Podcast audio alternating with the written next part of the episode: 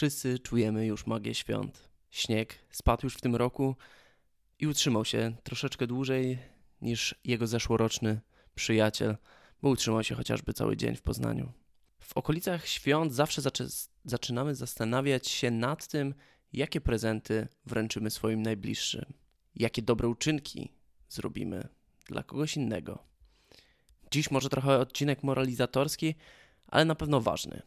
Ważny, żeby uświadomić, uświadomić, iż można wręczyć komuś prezent, prezent idealny. Prezent wręcz szyty na miarę. Dzisiejszy odcinek to odcinek, w którym porozmawiamy o szpiku, o przeszczepach, o bliźniakach genetycznych i o tym, jak komuś możemy pomóc na święta i nie tylko. Dzisiejszy temat, na który chcielibyśmy porozmawiać z naszym ekspertem, to temat bardzo ważny. Ważny dla nas wszystkich. Może zdarzyć się tak, że będziemy chorzy. Być może nieuleczalnie, ale są ośrodki, które mogą nam pomóc znaleźć chociażby szpik do przeszczepu. Dzisiaj będziemy rozmawiać właśnie na taki tak ważny temat. Temat, który ma na celu uświadomić, jak ważne jest to, żeby zapisać się w bazie, bazie dawców szpiku. Dziś, dzisiejszym naszym ekspertem będzie pani lekarz Hanna Duda e, z Ośrodku Dawców Szpiku Regionalnego Centrum Krwiodawstwa i Krwiolecznictwa w Poznaniu. Dzień dobry pani Hanno. Dzień dobry, witam serdecznie. Bardzo dziękuję za zaproszenie. Zaczynając od razu najważniejszym w zasadzie pytaniem, czym tak naprawdę jest Państwa organizacja? Czym Państwa organizacja się zajmuje? Y, nasz ośrodek dawców szpiku, tak jak już Pan wspomniał, e, jest częścią Regionalnego Centrum Krwiodawstwa i Krwiolecznictwa e, w Poznaniu. Znajdujemy się na poznańskim Grunwaldzie e, przy ulicy Marcelińskiej 44. Naszym zadaniem jest przede wszystkim rekrutacja nowych potencjalnych dawców szpiku oraz koordynowanie pobrania komórek krwiotwórczych od, od naszych dawców.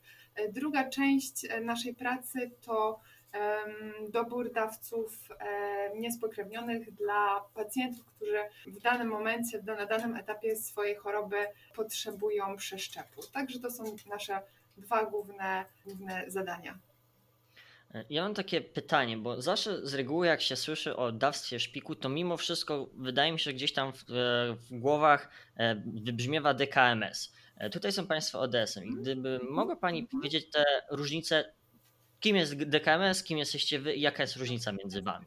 E, my jesteśmy ośrodkiem dawców szpiku, tak. Jesteśmy finansowani z budżetu e, państwa. DKMS jest prywatną fundacją, która jest finansowana przez różne darowizny, przez no, finansowana przez, przez, przez prywatne, prywatne różne środki. E, my jesteśmy, e, my jesteśmy ośrodkiem, jednym z wielu w, w Polsce. Istnieją także e, inne ośrodki, które znajdują się przy, przy szpitalach czy też przy uniwersytetach medycznych. My akurat działamy przy Regionalnym Centrum Krwiodawstwa. I tak, tak, jak już wspomniałam, jesteśmy finansowani z budżetu państwa, podlegamy bezpośrednio pod organizację, która nazywa się Poltransplant i to jest jakby organ nadrzędny E, e, nad nami. Także mniej więcej tak wygląda e, organizacja i, i, i ta róż, różnica między nami a, a, a DKMS, który jest prywatną fundacją. Czyli różnica w zasadzie polega na tym, że jesteście w inny sposób finansowani, ale cel jest ten sam. Cel jest tak samo słuszny i działacie w tej, tej samej intencji dla dawców. Moje pytanie brzmi następująco, no bo jeżeli już mówimy tutaj o dawcach, to tak na dobrą sprawę, jak zostać tym dawcą? Jak stać się dawcą? Jak można znaleźć się w bazie dawców? Jest to dosyć, dosyć proste. Rejestracja e, trwa około 30-40 e, minut. Należy zgłosić się tutaj bezpośrednio na Marceliską do Regionalnego Centrum. Rejestracji można też dokonać w jednym z naszych oddziałów terenowych, na przykład Leszno, Piła, Września, Gniezno. E, w autobusach, które można e, gdzieś, gdzieś spotkać e, zarówno w Poznaniu, jak i w Wielkopolsce oraz na ekipach wyjazdowych właśnie na terenie tak naprawdę w większości miejscach w Wielkopolsce. Także że jest to dosyć proste zadanie, ale należy zgłosić je bezpośrednio do nas. Nie można, to, nie, nie można tego przeprowadzić w, w sposób korespondencyjny. Tak? Trzeba mm, osobiście zgłosić się do nas. Następnie po, e, po wypełnieniu kwestionariusza medycznego następuje kwalifikacja przez lekarza. Oczywiście kwalifikacja może przebiec pozytywnie tak, że osoba zostanie, zostanie zarejestrowana. Niestety zdarza się też, że, że możemy, lekarz może zdyskwalifikować tą osobę bądź czasowo mm, tymczasowo zdyskwalifikować, że aktualnie stan zdrowia nie pozwala na, na bycie potencjalnym dawcą szpiku, ale za jakieś, nie wiem, kilka miesięcy czy, czy rok może się to zmienić po ustabilizowaniu powiedzmy jakiejś, jakiejś choroby, która w tym momencie tą osobę dyskwalifikuje. Po kwalifikacji przez lekarza następuje pobranie dwóch próbek tego kandydata na potencjalnego e, dawcę szpiku. Z jednej próbki zostaną wykonane badania genetyczne w zakresie HLA. E, następnie druga próbka mm, zostaje, zostanie zamrożona i umieszczona w naszym archiwum. To może z takim dawcą, bo powiedziała Pani właśnie, że z jakiegoś e, powodu zdrowia można kogoś dyskwalifikować na kilka miesięcy lub no, de facto do końca życia. Więc właśnie, kto może zostać takim, takim dawcą? Kto jest wzorcowym przykładem tego, że może być dawcą, tak na dobrą sprawę? Czego nie może mieć lub co, co musi mieć? Potencjalny mm, dawca szpiku musi być osobą zdrową, to na pewno. E, musi też e, mm, mieć ukończone 18 lat i nie, nie może przekroczyć 45 roku życia. Także osoba zdrowa e, w tym zakresie wieku, jak już wspomniałam, ale oczywiście decyzję o tym, czy, czy, czy ta osoba zostanie zakwalifikowana, czy też nie, podejmuje na miejscu lekarz po przeprowadzeniu wywiadu i badania tego kandydata na dawcę. Czyli nie może posiadać żadnych przewlekłych e, chorób. Mogłaby wymieniać no, e, przez, przez dłuższy czas te, te, te choroby i, i, schorzenia, które niestety mogą dyskwalifikować czasowo bądź też na stałe tego dawcę. Jednak nasze kryteria jako przy kwalifikacji jako potencjalny dawca szpiku są nieco łagodniejsze niż kryteria przy e, oddawaniu krwi. I tak na przykład osoba, która choruje na astmę bądź też e, na zapalenie tarczy, tarczycy typu Hashimoto może zostać potencjalnym dawcą, a niestety krwi taka osoba nigdy nie odda. Także zachęcam osoby, które, e, które niestety nie mogą oddawać krwi, posiadają pewne schorzenia, mogą zostać potencjalnym dawcą szpiku. Okej, a jak już właśnie rozmawiamy mm, o tych wykluczeniach, możliwych wykluczeniach i powiedziała Pani, że lista chorób jest dość duża, która skreśla nas z możliwości bycia dawcą, e, to może jakieś takie trzy przykłady, które najczęściej się zdarzają, żeby mm, uświadomić naszych słuchaczy, że, że na, w przypadku takich chorób czy schorzeń, no niestety e, nie będziemy mogli być prawdopodobnie dawcami szpiku tak jak powiedziałam, astma jakby nie dyskwalifikuje, ale już na przykład ciężka postać astmy dyskwalifikuje. Bo dodatkowo obciążenia kardiologiczne, jakieś wady serca, e, ciężkie schorzenia układu e, krążenia, e, padaczka na przykład jest takim schorzeniem, która jednak dyskwalifikuje. Może, możemy kwalifikować osoby, które gdzieś w wywiadzie mają, e, mają e, padaczkę i od kilkunastu lat nie przyjmują leków i wtedy no, po jakimś dłuższym wywiadzie e, no, możemy taką osobę zakwalifikować, ale osoba, która ma padaczkę i przyjmuje leki aktualnie, no niestety nie jest na przykład kwalifikowana. Tych schorzeń, głównie scho ciężkie schorzenia autoimmunologiczne dyskwalifikują na stałe. Mhm. A co to znaczy autoimmunologiczne? Choroby autoimmunologiczne immunologiczne, czyli choroby, w których, no tak potocznie mówiąc, nasze komórki atakują inne komórki naszego organizmu, czyli choroby z autoagresji. Takim przykładem jest na przykład e, wspomniany przeze mnie e, przed chwilą zapalenie tarczycy typu e, Hashimoto, na przykład reumatoidalne zapalenie stawów, między innymi takie choroby. Ale alergia, która też de facto jest chorobą autoimmunologiczną, ona nie wyklucza, tak? Tak, no, wyjątkiem jest e, silna e, alergia silna e, na lateks na przykład. To jest jedna z naszych, naszych tutaj dyskwalifikacji, jeżeli osoba prezentowała gdzieś w przeszłości silne reakcje mm, uczuleniowe na lateks, niestety nie może zostać dawcą oraz reakcje alergiczne, które przebiegały z, na przykład w postaci wstrząsu anafilaktycznego, też, też, też takie osoby niestety są dyskwalifikowane. Bycie dawcą to z pewnością e, wielka możliwość. Możliwość pomocy komuś, uratowania być może nawet życia. Tutaj nieskromnie, tak jak e, mogę powiedzieć, bo Marcin nie chciał się przyznać, on sam został dawcą szpiku w tym roku i on już mniej więcej wie, jak taki proces dokładnie wygląda. Ale czy może pani nam powiedzieć, e, jak to wygląda od kuchni? Proces jakby pobrania e, komórek krwiotwórczych e, od dawcy no jest procesem wieloetapowym. Tak? Rejestracja jest no, tak, jako potencjalny dawca szpiku pierwszym etapem i, I ten etap, po tym etapie często następuje długa, długa przerwa. Czasami e, dzwonimy do naszych dawców e, po 10 latach i, i zdziwieni są, nie pamiętają, że w ogóle się rejestrowali do naszej, do naszej bazy i nagle tutaj zaskoczenie, że, że do nich się zgłaszamy i, i prosimy o o no, udział w, w, procedurze e, pobrania szpiku.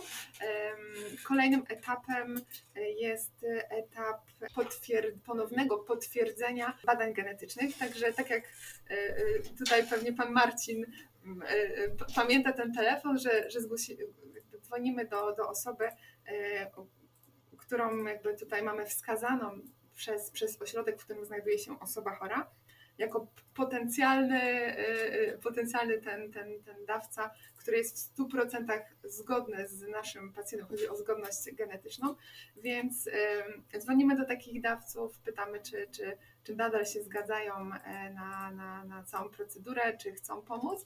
I wtedy zapraszamy tego dawcę do nas na, na badania potwierdzające, pobieramy ponownie próbki, przeprowadzane są badania potwierdzające, jeżeli ta zgodność e, zostanie potwierdzona, ruszamy z kolejnym etapem, który dąży do, do pobrania komórek krwiotwórczych, a mianowicie szczegółowe badania dawcy. Jeżeli przejdzie przez ten etap, lekarze stwierdzą, że, że może zostać dawcą, jest, jest zdrowy, nie, nie, nie zaszkodzi, jakby pobranie komórek krwiotwórczych nie zaszkodzi e, dawcy, a zarówno będzie bezpieczne dla, dla, dla biorcy. Wtedy już możemy mówić o kolejnym, ostatecznym etapie, czyli pobraniu komórek e, krwiotwórczych. No właśnie, ten etap e, pobrania samego chyba jest dla ludzi najbardziej przerażający, bo oni sobie wyobrażają, że to jest wielka, e, gruba igła, którą wbija się komuś w kręgosłup i pobiera. A przecież tak nie jest. Ja, ja też tak nie miałem, więc właśnie jak to wygląda dokładnie? Czy, czy to rzeczywiście jest wielka igła, którą wbijamy w kręgosłup, czy może to wyglądać trochę bardziej delikatnie? Mamy dwie metody pobierania komórek krwiotwórczych. Najczęstsza metoda to pobranie z krwi obwodowej. E, około 80% pobrań odbywa się właśnie w ten sposób i wygląda to jak e, oddawanie krwi. Siedzi się wygodnie na, na fotelu, niestety nie przez kilkanaście minut, tak jak to wygląda przy oddawaniu krwi, jednak jest to dłuższy proces, zawsze mówimy, że około 4 e, godzin, czasami dłużej, czasami krócej. I dawca jest podłączony do do, do maszyny, do, do, do separatora, która pobiera komórki e, krwiotwórcze.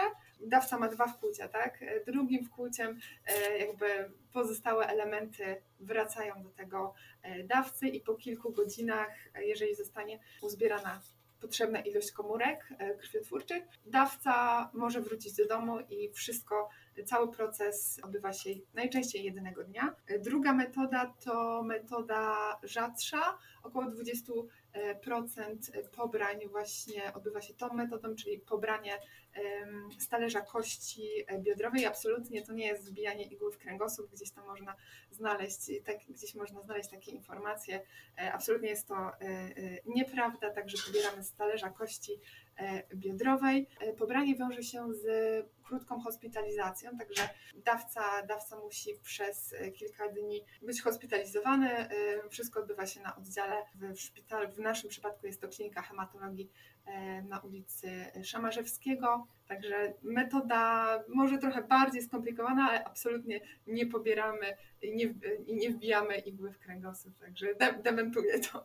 Dobrze, to, to istotne, żeby właśnie uświadamiać, jak wygląda taki proces i że w zasadzie jest on procesem wygodnym, bezbolesnym. Czasami okraszony tym, że trzeba spędzić troszeczkę czasu, poświęcić mhm. swój czas, swoje trzy dni na hospitalizację, ale tak jak pani wspomniała, tylko w, przypadku tam około 20% osób. Mm, dobrze, no bo pobraliśmy już te komórki krwiotwórcze. Co my dalej z nimi zrobimy? To znaczy, do jakich osób one trafią. Pojęcie często się pojawia też bliźniaka genetycznego. Nim jeszcze odbiegniemy w, w tą stronę taką bardziej biologii molekularnej, to zależy mi właśnie na to, żeby pani mi powiedziała, jakie choroby tak na dobrą sprawę e, będziemy leczyć. Pacjenci, którzy wymagają przeszczepu komórek krwiotwórczych, są to przede wszystkim osoby chorujące na choroby rozrostowe układu krwiotwórczego, czyli są to potocznie mówiąc nowotwory krwi, przede wszystkim e, ostre białaczki szpikowe, limfoblastyczne,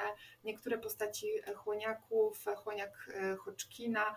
Rzadziej są to choroby niezwiązane jakby z, z, z, z nowotworami, z, z hematologią, że, że to są jakieś niedobory odporności, na przykład u, u dzieci. Inną chorobą krwi, w której stosuje się także leczenie przeszczepem jest na przykład anemia sierpowato-krwinkowa, różne jeszcze schorzenia neurologiczne. W, w zeszłym roku akurat zdarzyło się, że mieliśmy zlecenie poszukania dawcy dla pacjenta z leukoencefalopatią, też taka dosyć rzadka, e, rzadka choroba, e, także, ale głównie są to osoby chorujące na nowotwory układu krwiotwórczego. No właśnie, wróćmy teraz do tego bliźniaka genetycznego. Jak to jest możliwe, że po 10 latach, odkąd jestem w bazie, ktoś do mnie dzwoni i mówi, że znalazł się bliźniak genetyczny i on może być praktycznie w każdym miejscu na świecie, ponieważ e, ten bank e, jest ogólnoświatowy, to nie jest tylko bank polski, więc równie dobrze mogła być to osoba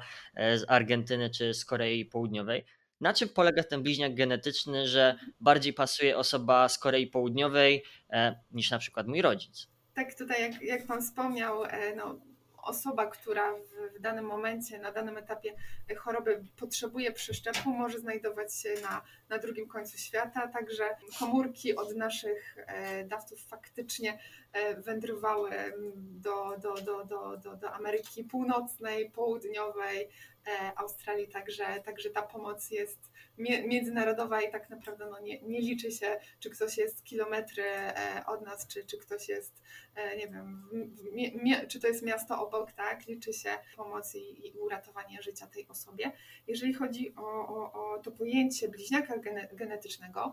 Bliźniak genetyczny jest to osoba, której antygeny zgodności tkankowej są takie same jak, jak u naszego pacjenta. Także w 100% jeżeli chodzi o, o te antygeny występuje zgodność między osobą chorą, między pacjentem, czyli biorcą, a, e, a dawcą.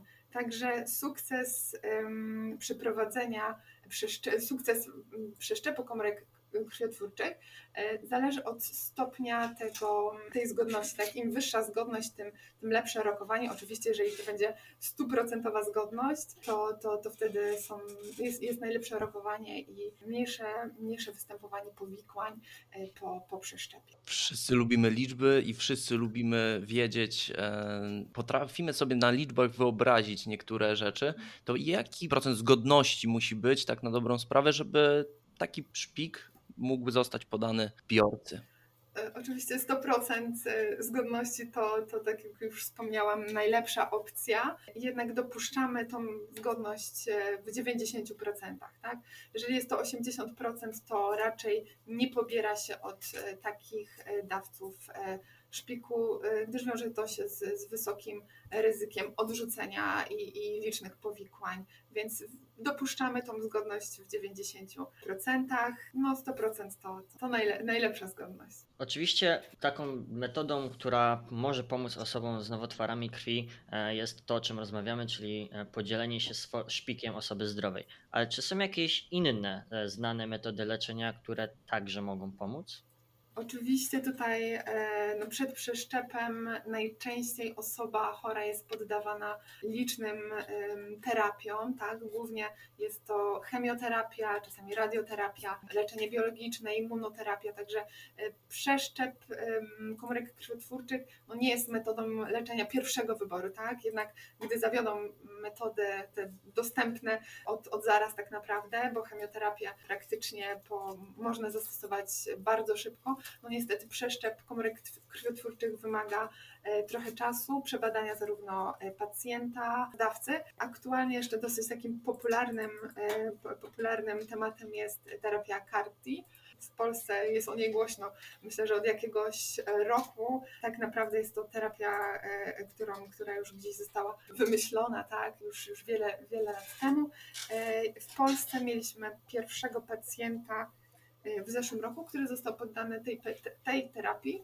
Możemy się pochwalić, że, że to była, był pacjent tutaj w e, Poznański, Poznański w e, pierwsza, pierwsze, e, pierwsze jakby podanie i wykorzystanie tej metody miało miejsce w klinice e, hematologii u nas e, w Poznaniu. Także dosyć, dosyć taki temat e, popularny. Niestety metoda ta jest metodą nierefundowaną i, i drogą, bo koszt takiej terapii to około miliona złotych. Bardzo wzięła sobie Pani do serca to, że powiedziałem, że ludzie lubią liczby.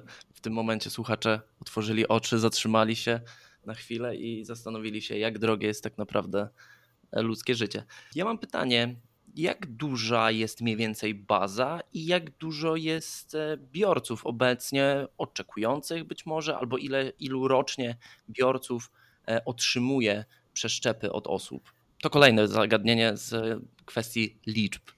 W naszej bazie, w bazie naszego ośrodka e, jest nieco ponad 50 tysięcy potencjalnych dawców szpiku. Jesteśmy E, no, największym ośrodkiem dawców szpiku. E, posiadamy największą liczbę potencjalnych dawców. Oczywiście Fundacja DKMS no, ma tą liczbę znacznie, znacznie e, większą.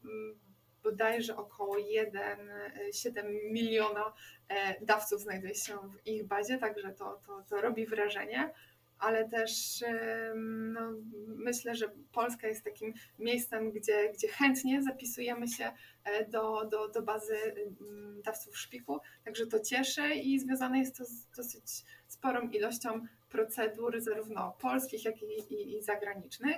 Także nasza baza no, w porównaniu do, do, do Fundacji DKMS no, jest e, niewielka. E, przyprowadzamy rocznie około no, między 20 a 30 pobrań od mm, dawców e, z naszej, z naszej bazy. Jeżeli chodzi o bazę e, światową, to w bazie światowej jest niecałe 40 milionów dawców. Także w porównaniu do liczby mieszkańców Ziemi, no to ta liczba to, to, to jednak jest e, niewielka. Ale w sumie, jeżeli i w waszej, i w DKMS-ie jest aż 1,7 miliona Polaków, to w sumie de facto co 20 Polak mniej więcej jest w takiej bazie, tak? I to znaczy, że na skalę światową jesteśmy fenomenem w zasadzie. Wydaje się, że jesteśmy pionierem wręcz uświadamiania, że, że to jest ważne, żeby, żeby być w takiej bazie. To może cieszyć. No, nie byliśmy świadomi tych liczb. E, ja pamiętam, sam jestem także zapisany w bazie e, i e, proces był bardzo przyjemny, to znaczy odbywał się w czasach akademickich na uniwersytecie. Po prostu pewnego dnia, czy przez kilka dni osoby przeszkolone znajdowały się na miejscu i na wydziałach i zachęcały po prostu do tego, żeby, żeby oddać wymaz e, i, i stać się potencjalnym dawcą. E, myślę, że takie rozwiązania i właśnie świadomość, budowanie świadomości jest jednym z kluczowych aspektów, jeżeli mówimy tutaj o propagowaniu takiego rozwiązania i możliwości pomocy innym osobom. I na koniec w sumie już takie pytanie. Nie miałem możliwości poznać osoby, e, które, którym dzieliłem się swoimi e, komórkami macierzystymi. Nie miałem, nie wiem kto to jest, nie wiem skąd jest e, i tak dalej. No właśnie, i to jest generalnie ustawowo przyjęte, że dawca i biorca są dla siebie anonimowi. Skąd to wynika? Dlaczego, dlaczego nie mogę poznać tego człowieka? Krótko odpowiem na to pytanie, e, bo tak mówi ustawa. E, jesteśmy no, prawnie jakoś e, zobowiązani do zachowania milczenia, także absolutnie nie przekazujemy żadnych szczegółowych informacji, informacji personalnych, zarówno dawcy, jak i, i pacjent.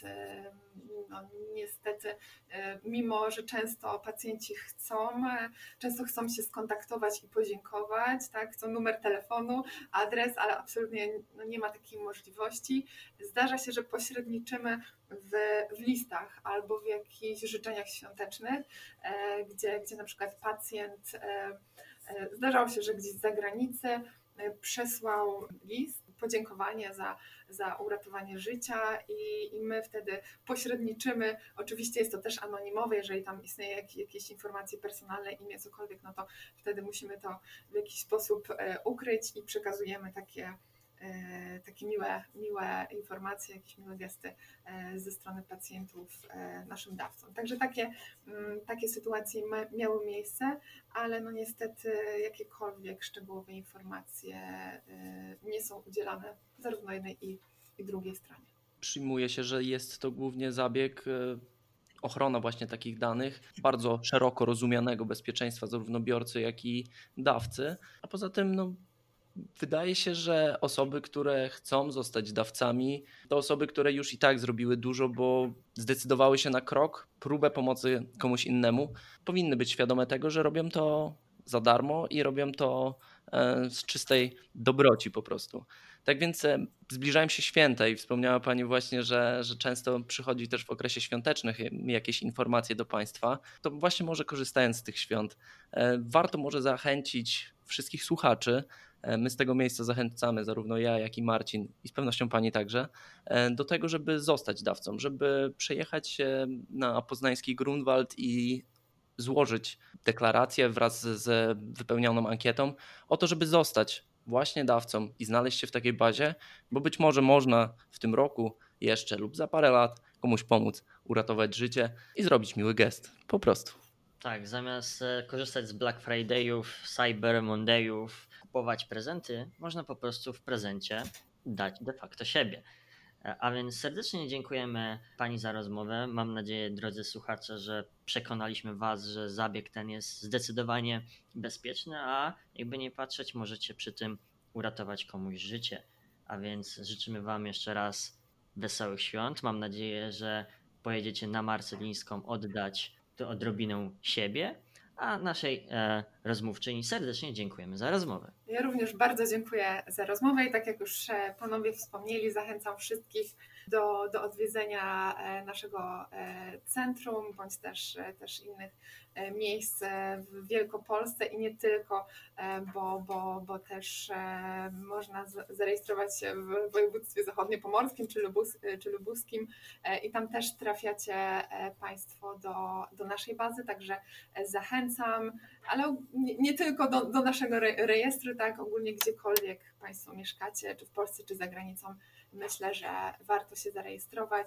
To nic nie kosztuje, a, a satysfakcja z tego, że y, można było komuś uratować życie jest, y, jest ogromna i, i, i nas także cieszy niezmiernie, że możemy w tym pośredniczyć. Także ja bardzo dziękuję i życzę wesołych świąt. Dziękujemy serdecznie za rozmowę i do usłyszenia, mam nadzieję.